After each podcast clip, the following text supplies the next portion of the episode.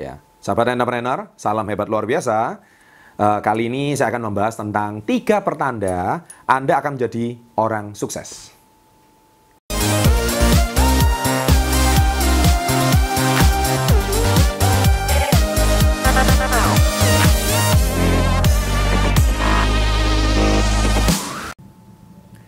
Jadi uh, orang sukses itu ada ciri-ciri khasnya, ya. Jadi mereka itu punya satu pertanda atau signs, ya.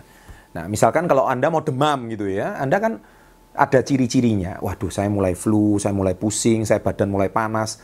Nah, itu ciri-ciri kalau anda mau demam gitu. Nah, orang sukses itu juga punya ciri-cirinya lupanya. Nah, setelah saya evaluasi 20 tahun yang lalu ya, sebelum saya waktu itu menjadi orang sukses, waktu itu saya mikir apa yang saya lakukan 20 tahun yang lalu. Nah, ini yang pertama.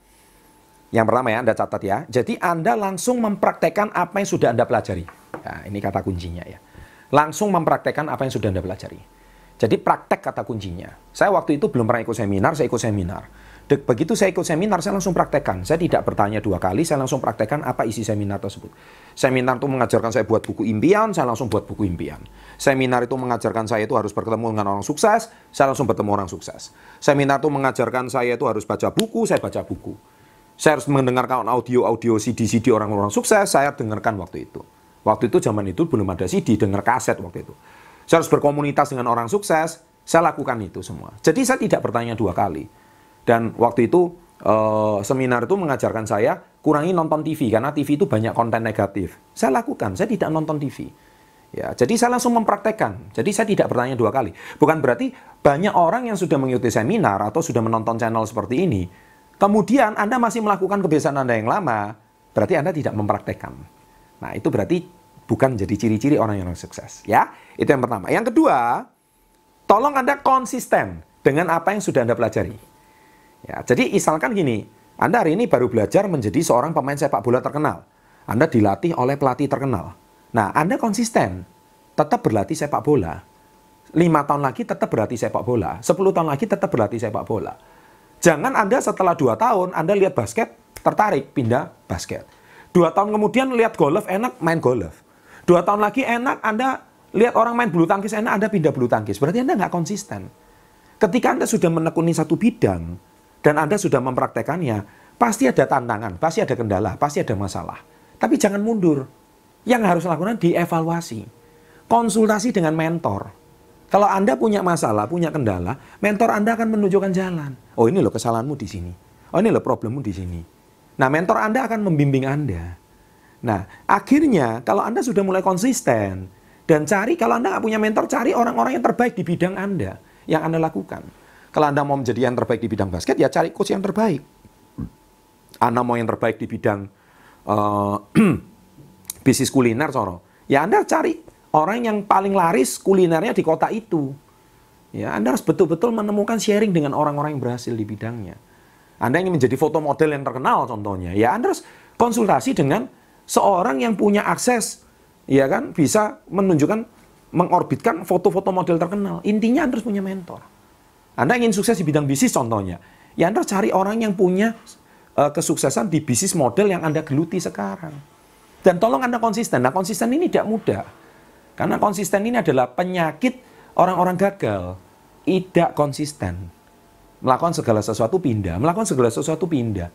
Gampang bosan, gampang capek, gampang lelah, gampang mundur. Inkonsisten, alias tidak konsisten. Ini penyakitnya orang gagal.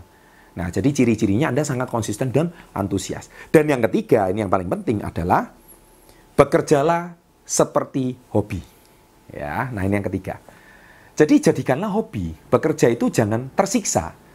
Bekerja kalau tersiksa, dijamin tidak jangka panjang. Anda ke kantor.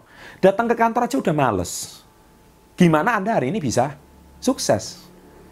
Anda uh, bekerja di kantor saat ini anda sudah tersisa dengan jam kantor. Berangkat pagi, pulang petang. Iya kan? Kemudian Anda mengeluh, ya penghasilannya pas-pasan. Stres. Setiap hari tidak menemukan kebahagiaan di kantor. Dijamin ini ciri-ciri orang gagal. Tapi kalau orang bekerja seperti hobi, contohnya Anda hobi kuliner contohnya. Wah, saya hobi kuliner, makan gini. Loh, siapa tahu suatu hari hobi Anda bisa menjadi pekerjaan dan Anda bisa buka tepot dan laris. Buka catering laris. Kita nggak tahu. Buka channel contohnya YouTube, masakan Anda taruh di YouTube. Kan sekarang banyak channel masakan di YouTube. Ya kan? Laris, channel YouTube Anda dikunjungin banyak orang. Nah, itu hobi Anda.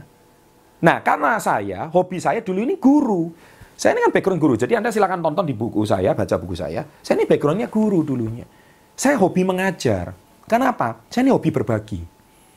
Dulunya, saya kalau mendapat sesuatu dan bisa menginspirasi orang lain, itu saya senang. Tapi zaman dulu nggak ada YouTube. Saya cuma berbagi sama murid-murid saya, murid les saya, murid murid-murid didik saya.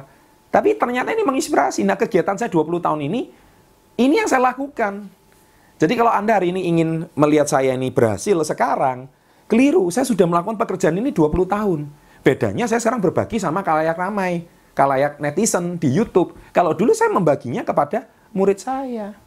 Dan saya sangat senang melihat orang lain berhasil. Hati saya gembira kalau lihat murid saya berhasil itu hati saya paling gembira. Dan itu saya tidak merasa itu bekerja, saya merasa itu hobi. Tapi ternyata itu ciri-ciri orang sukses.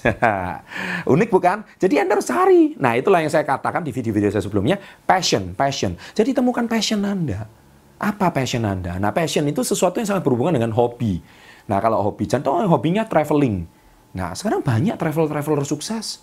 Iya kan?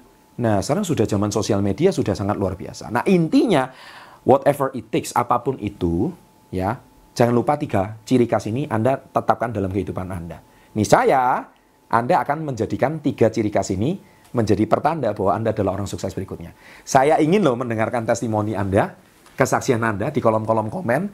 Saya ingin mendengarkan Anda bersaksi setelah menonton channel ini berapa lama ya hidup Anda ada perubahan bagaimana. Saya ingin mendengar dan saya senang sekali dan saya akan dengan sekali senang sekali berbagi ya kepada Anda. Dan apabila hidup Anda berubah melalui channel ini saya orang yang paling senang melihat perubahan ini dan hidup Anda. Oke, okay? bila Anda menyukai channel seperti ini, jangan lupa like, komen, dan subscribe. Itu yang paling penting, sehingga Anda bisa terus berbagi kepada teman-teman yang membutuhkan dan bermanfaat. Sukses untuk Anda, selalu salam hebat, luar biasa.